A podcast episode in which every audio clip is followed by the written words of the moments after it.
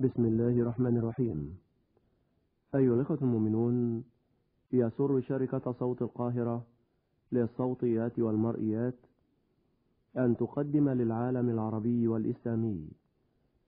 إمام الدعاة فضيلة الشيخ محمد متولي الشعراوي وخواطره الإيمانية حول آيات مما تيسر من سورة الشورى.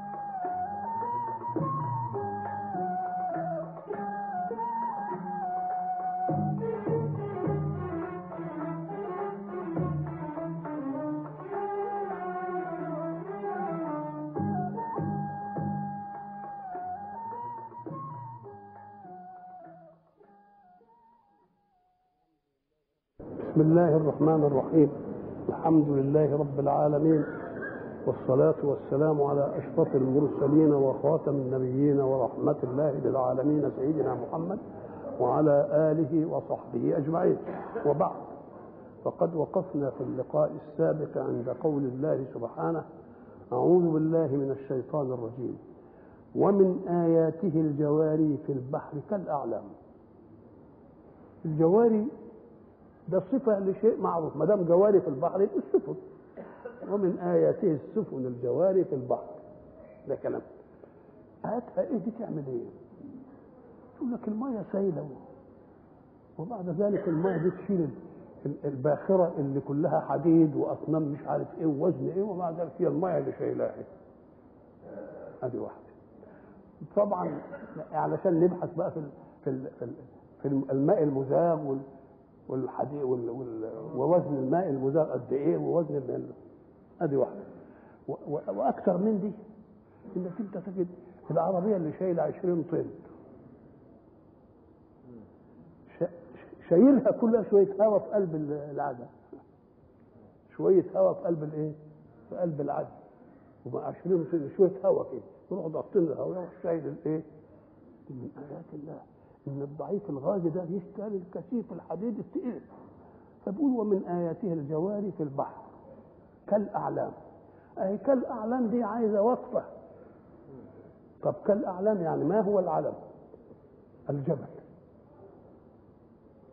ولذلك الخنساء لما لاتت صخر أخوها كأنه علم في رأسه نار. كأنه جبل وفوقه إيه؟ فوق نار كمان يبقى مشهور قوي معروف جبل وفوق نار ولذلك سيدنا رسول الله لما سمعها قال قاتلها الله ما اقتنعت أن تجعله كالجبل حتى جعلت فوق رأسه نارا. يعني ده يبقى كالأعلام يعني كالجبال. طبعا قوي بالله لو إن إحنا جبنا علماء الاقتصاد والصناعة وقلنا في أي قرن وجدت السفن الكبيرة اللي لها أدوار وكبيره كده وتبقى زي الجبل. ده في القرن الثالث والقرن الثامن. وكانت الأول يا دوب سطح بتاع كده ويقعدوا في السفينة. فمن أين جاء لمحمد أن أن الملائكه هتبقى كالأعلام 10 أدوار ومش عارف إيه وماشية زي الجبل كده. تبقى دي برضه إيه؟ آية من إعلان النبوة. ما شافش. ما شافهاش. بقى ومن آياته الجواري في البحر كالأعلام وما حصلتش دي إلا في القرن الثامن عشر لا يبقى إذا ده من كلام من مين؟ كلام من الحق سبحانه وتعالى علشان كل يوم يدي آيات آيات كده على أن النبي إيه؟ على أن النبي إيه؟ صادق. طيب الجواري اللي, اللي تجري عايزة ما يجريها قوة أو طاقة تجريها. فهل البحر هو البحر المالح الكبير ولا برضه النهر فيه؟ برضه النهر فيه سفن لما يكون نهر بيمشي فيه سفن. طيب السفينة بتجري إزاي؟ قال لك والله كانت مع الطيار تمشي ويا الطيار مش عايزة حاجة أبدا. طب إن كانت ضد الطيار يبقى لازم عايزة هواء قوي يدفع القلع كده عشان يبقى أقوى من الطيار وعشان تمشي في ضد الطيار. طب لما يسكن الريح بقى يظللن رواكد على ظهره إن يشأ يسكن الإيه؟ هي جواري إنما بمشيئته يسكنها. يسكنها إزاي؟ إنه يمنع الريح. وما دام يمنع الريح هتفضل. طب إيه؟ ما دام هتمشي على البحر ما بتتحركش؟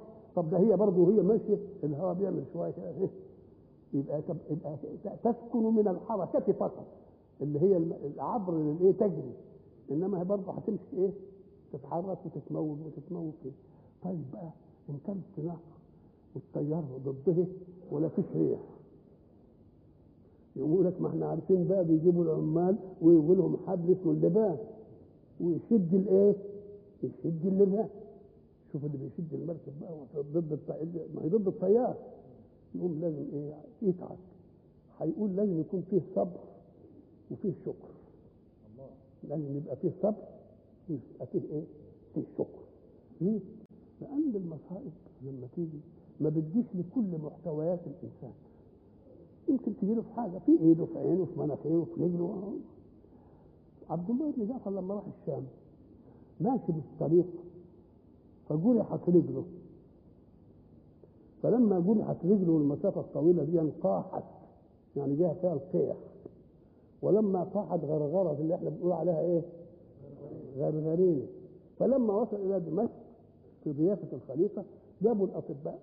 فقالوا لابد من قطع رجله. فما دام هيقطعوا رجله فقال التمسوا له مرقدة مرقد يعني البين عشان ما يحسش. فقال لا والله هو.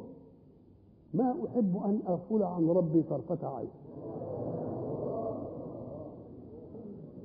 عملوها كده وهو على اللي عنده هذا الشعور أنه في معية الله ولا بالله يحس بحاجة. والله ما يحس بحاجة. لأن ابو بكر وسيدنا رسول الله هم في الغار. قال له لو نظر أحدهم تحت إيه؟ قال له ما ظنك باثنين؟ الله ثالثهما يعني هم في معية الله. ما دام في معية الله والله لا تدركه الأبصار وهو يدركه الأبصار. يبقى مش هيشوفوه ممكن يشوفوه فلما جم قال أنا ما أحبش اغفل عن ربي طرفة عين قطعوا رجله وبعدين كفنوها وحبوا يدفنوه. فناداهم ائتوني فمسك رجله المقطوعة. قال إيه؟ اللهم إن كنت قد ابتليت في عضو فقد عافيت في أعضاء. ادي اللي فيها صبار وشكور. صبار على البلوى وشكور على إنه خد حاجة وساب له حاجة. يبقى المصيبة اللي عنده مصيبة ما يزعلش اللي يشوف اللي بيه إيه؟ يقوم يفرح للإيه؟ اللي بيه ويشكر ربنا على الإيه؟ على اللي إن يشاء يسكن الريح. كل يسكن الريح دي برضه فيه إعجاز. لأن السفينة قديما ما كانت تمشي إلا بالهواء أو بشد اللبان إن كان في نهر وما عندهمش مش عارف. كده. طب مثلا افرض إنها بقت بالبخار. وإن كان ريح ولا ريح تمشي. بالكهرباء زي دلوقتي. المكان مش عارف إيه تمشي. الله. يبقى اذا الريح مش ضروري بقى هي تستغنى عن الريح برضه. قال لك لا. كلمة ريح كما تستعمل في الهواء تستعمل في القوة. ولذلك ولا تنازعوا فتفشلوا وتذهب ريحكم أي قوتكم. فإن فقد الريح فقد وجدت القوة بالبخار أو بالكهرباء. نعم. إن يشأ يسكن الريح فيظللن رواكد على ظهره. إن في ذلك لآيات أهي لكل صبار شكور. افرض إنها وقفت كده بقى وهي عامله راكده ما ما زعلش ويقول خلاص مش عارف إيه. لا اصبر على هذه المسألة واستقبلها كويس. واشكر ربنا اللي هي ما جالهاش اعصار غرقها ولا مش عارف. يبقى لازم اصبر على ما فقد واشكر على ما بقي. نعم. إن في ذلك لآيات أهي. لكل صبار شكور. لكل صبار أي على المصيبة شكور على ما بقي من النعمة. أو يوبقهن بما كسبوا. يظل راكدا على ظهره أو يوبقهن يهلكهن. بما كسبوا يعني إيه؟ ما إحنا بنشوف بقى يعني البواخر دلوقتي نشوف بقى إحنا كل اللي اللي بينعمل فيه البلاط والخمر والقمار وبعدين هم ماشيين آمنين كده يقوم ربنا سبحانه وتعالى يسلط إعصار يروح إيه؟ كده هو الذي يسيركم في البر والبحر حتى إذا كنتم في الفلك وجرين بهم بريح طيبة وفرحوا بها جاءتها ريح عاصف وجاءهم الموج من كل مكان وظنوا أنهم أحيط بهم. دعوا الله مخلصين له الدين. لئن أنجيتنا من هذه لنكونن من الشاكرين. فلما أنجاهم إذا هم يبغون في الأرض بغير الحق. نعم. أو يوبقهن بما كسبوا ويعفو عن كثير. برضه يعني ما بياخدناش في كل حاجة يعني. نعم. ويعلم الذين يجادلون في آياتنا ما لهم من محيص. يعني الحكاية دي حقيقة اللي بيجادلوا في آياتنا وبينكروا بيكذبوا محمد ويعملوا لجاج وياه يشوفوا آيات زي دي. إنهم برضه ربنا يقدر إيه؟ ياخذهم أخذ عزيز مقتدر كده ولا يمكن ويعلم الذين يجادلون في آياتنا ما لهم من محيص أي من مفر ولا ملجأ يحرسهم فما أوتيتم من شيء فمتاع الحياة الدنيا. يعني الواحد ربنا اداله مال واداله صحة واداله إيه يقول لك دي خسارها إيه؟ الحياة الدنيا. طب الحياة الدنيا دي من إمتى لإمتى؟ الدنيا دي من أول آدم إلى أن تقوم الساعة. إنما نمر على الدنيا أو تمر علينا؟ هي اللي بتمر علينا. يبقى دنياي مش من أول آدم لأن تقوم الساعة. دنيا كل مؤمن عمره فيها. ومهما جاله من متاع من نعمة وبتاع هيبقى متاع. ومتاع الحياة الدنيا. وبعدين لما نقول له اعمل كذا ونضيق عليه شوية عشان ياخد ماله من حلال ومش عارف إيه. يقوم نقول له انما انت هتستنى هناك في الآخرة بقى دنيا. لا تفوتك النعمة. ولم تتفته يبقى بقى كسب ولا مش كسب؟ فما أوتيتم من شيء علشان الجماعة الصناديد بتوع إيه؟ بتوع قريش اللي واقفين عند النبي للسياده والجاه واللي مش عارف الايه وبتاع. ما هم كانوا قالوا لولا نزل هذا القرآن على إيه؟ رجل من القريتين عظيم يعني عنده وعنده وعنده وعنده اللي هو الوليد بن المغيرة. نعم. فما أوتيتم من شيء فمتاع الحياة الدنيا. وما عند الله خير. أكثر. ليه؟ لأنك أنت بتتمتع في دنياك على قدر جهدك. مش كده؟ ولكن تكريمك في الآخرة ونعمتك في الآخرة على قدر قدرة الله. يبقى نقول بقى يبقى أحسن. طيب وأنت في الدنيا برضه هتنتهي وتموت. إنما ديك أبقى خلود ما فيش فيه اي حاجة. يبقى لما تكسب المعيارين مستوى النعمة اللي أنت عايش فيها في الدنيا ومستوى النعمة اللي تنتظرك في الآخرة. دي بصنعتي ودي بصنعة الله. ودي بتعب وجري وكده ودي بالإيه؟ بس تيجي في موضع نفسه يجي له ما فيش لا تعب ولا أي حاجة. طيب أدي من ناحية مقدار النعمة. طب والعمر النعمة؟ قال لك دي موقوتة بحياتك. وبعد لكن دي ملهاش إيه؟ ملهاش زمن لأن دي في خلود بلا موت. فما أوتيتم من شيء فمتاع الحياة الدنيا وما عند الله خير يعني أعلى في النعمة لأنه طهي الله. وأبقى لأن ما فيش لا نعمة تفوتك ولم تفوت النعمة. وما عند الله خير وأبقى لمن؟ أهو. للذين آمنوا وعلى ربهم يتوكلون. آمن يعني دي العقيدة. وعلى ربهم يتوكلون في العمل بالاسباب لأن التوكل غير التواكل. التواكل انك تترك العمل يعمل لا التوكل غير. التوكل الجوارح تعمل والقلوب تتوكل نعم. وما عند الله خير وأبقى للذين آمنوا وعلى ربهم يتوكلون. ولذلك هناك ربنا بيقول وتوكل على الحي. إحنا قلنا زمان واحد يتوكل على واحد يصبح يفقص منه. ما يلاقيش انما علمنا النصيحه يعني يا عبادي كونوا نصحين توكلوا على اللي ما يشوف والذين يجتنبون كبائر الإثم والفواحش. كبائر الإثم هي ما فيه وعيد أو ما عليها حد والفواحش هي ما يتعلق بالشهوات.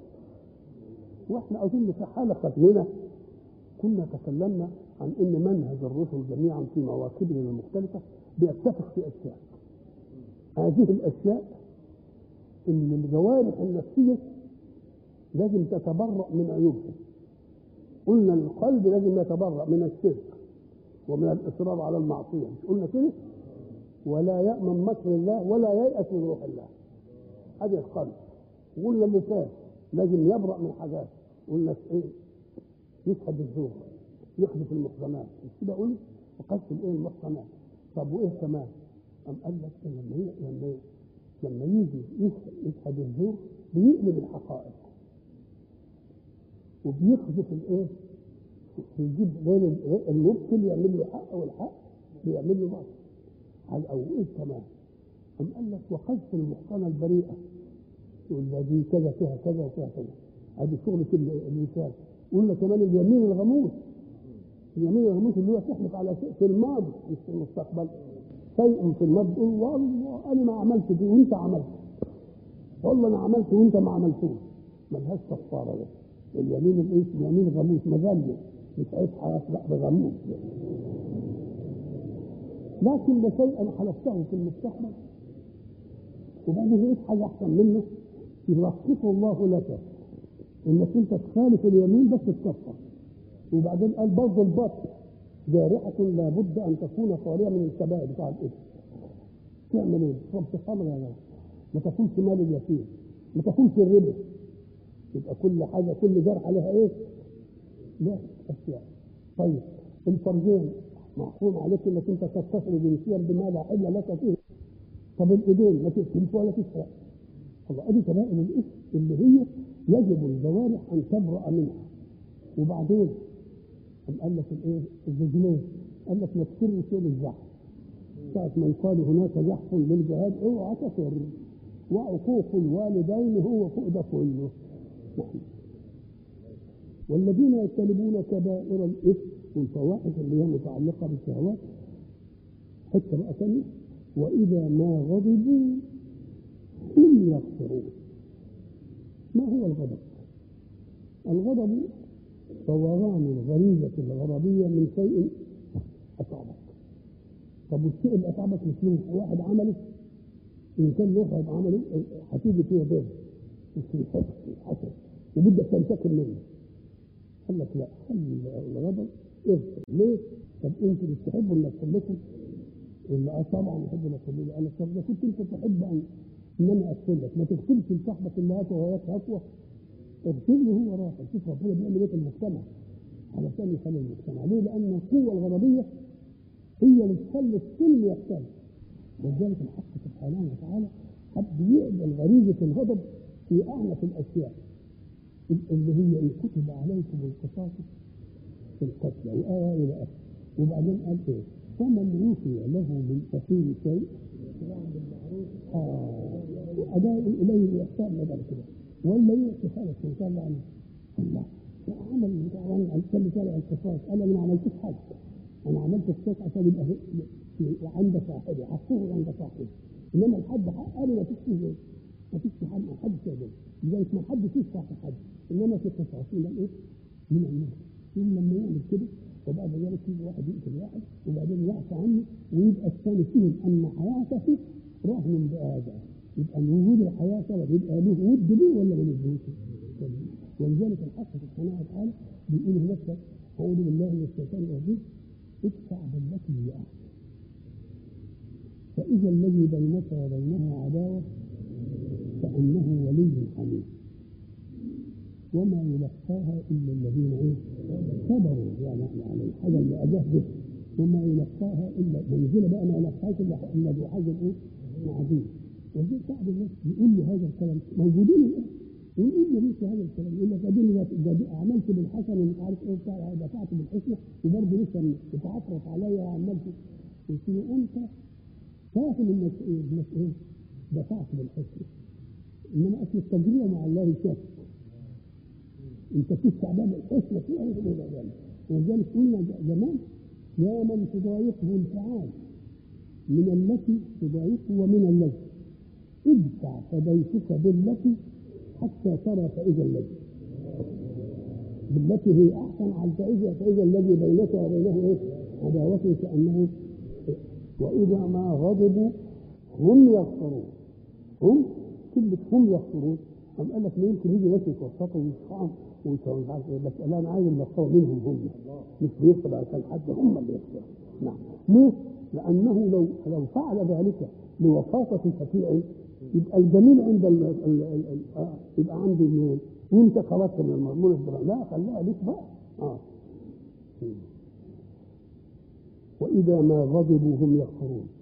والذين استجابوا لربهم وأقاموا الصلاة وأمرهم شورى بينهم ومما رزقناهم ينفقون. كم حاجة والذين استجابوا لربهم إيمانا بالأدى العقيدة. هذه واحدة. وأقاموا الصلاة. هذه واحدة. وأمرهم شورى ومما رزقناهم ينفقون. ثلاث حاجات؟ ده الإيمان ده خلاص ذكر طيب. هنا نقول إن كل القرآن لازم يخرج الزكاة؟ بالصلاة كل القرآن بيأخذ الزكاة بالصلاة ليه؟ قال لك إن الزكاة تنازل عن بعض مالك للمحتاج الصلاة أيضا فيها زكاة ليه؟ قال لك لأن المال الذي تزكي عنه فرع عملي أنت جبت منين؟ والعمل فرع الزمن والصلاة تأخذ منك الزمن. تخليك تسيب شغلك وتروح تصلي. فالصلاة فيها زكاة أرقى من زكاة المال. ليه؟ لأنك في المال ضحيت ببعض المال. إنما أنت ضحيت بالسبب في وجود المال. يبقى دي زكاة. ولذلك كمان الصلاة والزكاة. الصلاة والزكاة الصلاة والزكاة. طيب هنا في الآية اختلف بالقاعدة. وأقاموا الصلاة وأمرهم شورى بينهم ومما رزقناهم ينفقون أخذ النفقة والبتاع عن الإيه؟ عن الصلاة وحشر مين؟